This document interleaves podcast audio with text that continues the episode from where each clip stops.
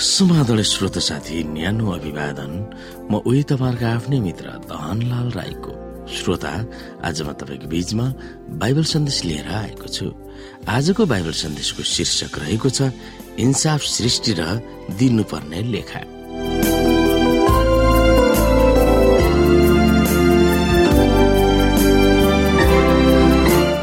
श्रोता यदि हामी अचानक सेल वा कोषहरू मिल्न गएर जथाभावी बनेका हौ वा कतिपय वैज्ञानिकहरूले सिकाएको अनुसार हामी अफ्रिकाको वन मान्छेबाट प्रगति गर्दै अथवा हुँदै मानिस भएका हौ वा राजनैतिक बात र शक्तिहरूले हामीलाई केवल मास वा व्यक्तित्व विहीन मानिसहरूको थुप्रौँ भने यस जीवनको केही अर्थ नै छैन।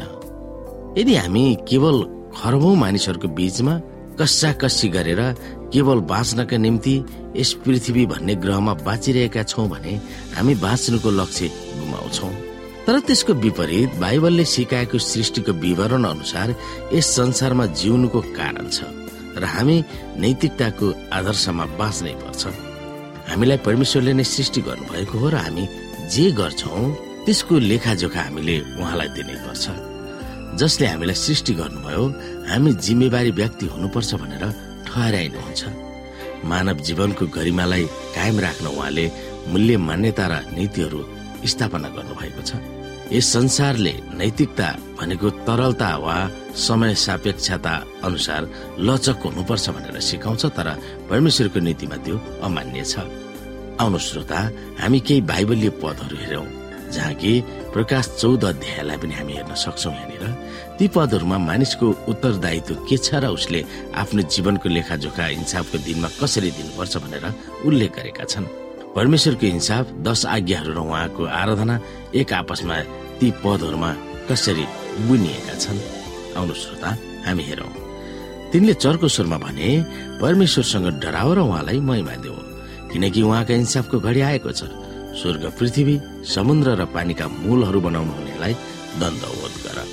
र यसै गरी हामी रोमीको पुस्तकलाई पनि हेरौँ। रोमीको पुस्तक चौध अध्यायको दसलाई तिमी किन आफ्नो भाइको इन्साफ गर्छौ अथवा तिमी आफ्नो भाइलाई किन तुच्छ ठान्छौ? किनभने हामी सबै परमेश्वरका न्याय आसनको सामान्य खडा हुनेछौ।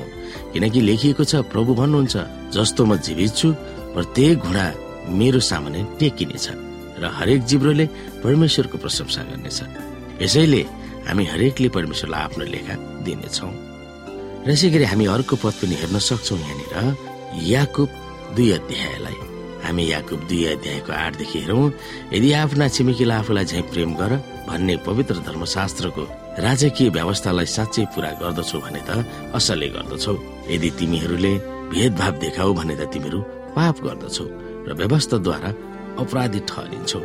किनकि जसले सम्पूर्ण व्यवस्था पालन गर्छ तर एउटै कुरामा चुक्छ भने व्यवस्थाका सबै कुरामा त्यो दोषी ठहरिएको हुन्छ। किनकि जसले व्यविचार नगर भन्नुभयो उहाँले हत्या नगर पनि भन्नुभयो। तसर्थ यदि तिमीले व्यविचार गर्दैनौ तर हत्या गर्दछौ भने तिमी व्यवस्थाका अपराधी भएका छौ। यसकारण तिमीहरूको बोली र व्यवहार स्वतन्त्रताको व्यवस्था बमोजिम न्याय पाउनेहरूका जस्तै होस्। किनकि जुन मानिसले कृपा गरेको छैन त्यसको न्याय कृपा बिना नै हुन्छ। कृपा न्यायमाथि विजय हुन्छ। श्रोता आकाशको बीचमा तीन स्वर्गदूतहरू उड्दै दिएको प्रकाश चौधको सन्देशले परमेश्वरको इन्साफ आइसकेको छ भनेर घोषणा गरेको छ। प्रकाश चौधको साथमा हामीमा नैतिक निर्णय गर्ने क्षमता सहित परमेश्वरले हामीलाई सृष्टि गर्नुभएकोले यस जीवनमा प्रत्येक निर्णय हामी गर्छौँ त्यसको जिम्मेवारी हामी नै हुन्छौँ। यदि हामी जथाभावी कोषहरू जम्मा भएर अचानक बनिएका हौ वंश अनुसार मात्र जन्मिएका हौ र वातावरणकै कारणले यस संसारमा फट्टाफुट्ट निस्किएका हौ भने हाम्रो निर्णयमाथि अर्कै शक्तिले परिचालन गरिरहेको हुन्छ जसमा हाम्रो नियन्त्रण नै हुँदैन। तर परमेश्वरले गर्नुहुने इन्साफमा हाम्रो नैतिक जिम्मेवारीको सवाल हुन्छ। अहिलेको पृथ्वीको इतिहासको संकटको घडीमा परमेश्वरले इन्साफ गरिरहनु भएको छ। हामीले जे निर्णय गर्छौँ त्यसले अनन्त जीवनलाई साँची राखेर गर्नुपर्छ। पहिलो स्वर्गदूतको निर्णायक अपिल हो स्वर्ग वा आकाश वा नक्षत्र र पृथ्वी समुद्र र पानीका मुहानहरू बनाउनु हुने परमेश्वरको प्रणाम गर वा आराधना गर।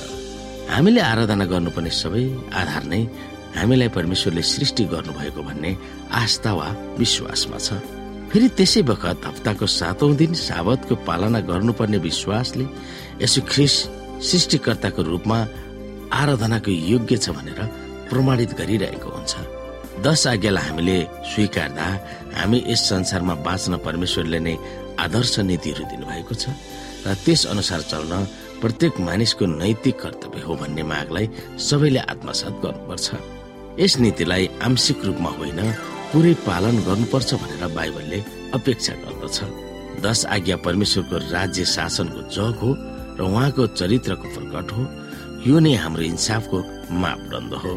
साबत आज्ञाप्रति वफादार भएर पालना गर्दा हामी आज्ञाकारी जीवन बिताउन समर्पित भइरहेका छौँ भनेर प्रमाणित गरिरहेको हुन्छौँ। हाम्रो दैनिक जीवनको सेरोफेरोलाई सृष्टिको शिक्षाले हामीलाई कसरी प्रभावित पार्दछ? हामीले दैनिक गर्ने निर्णयमा वातावरण र वंशसँग के सम्बन्ध छ? हामीले नचुनेको तर हामीमा भएको चरित्रका खोटहरू परमेश्वरको अनुग्रहले कसरी मेट्न सक्छ त्यो विषयमा हामी सोच्न सक्दछौँ।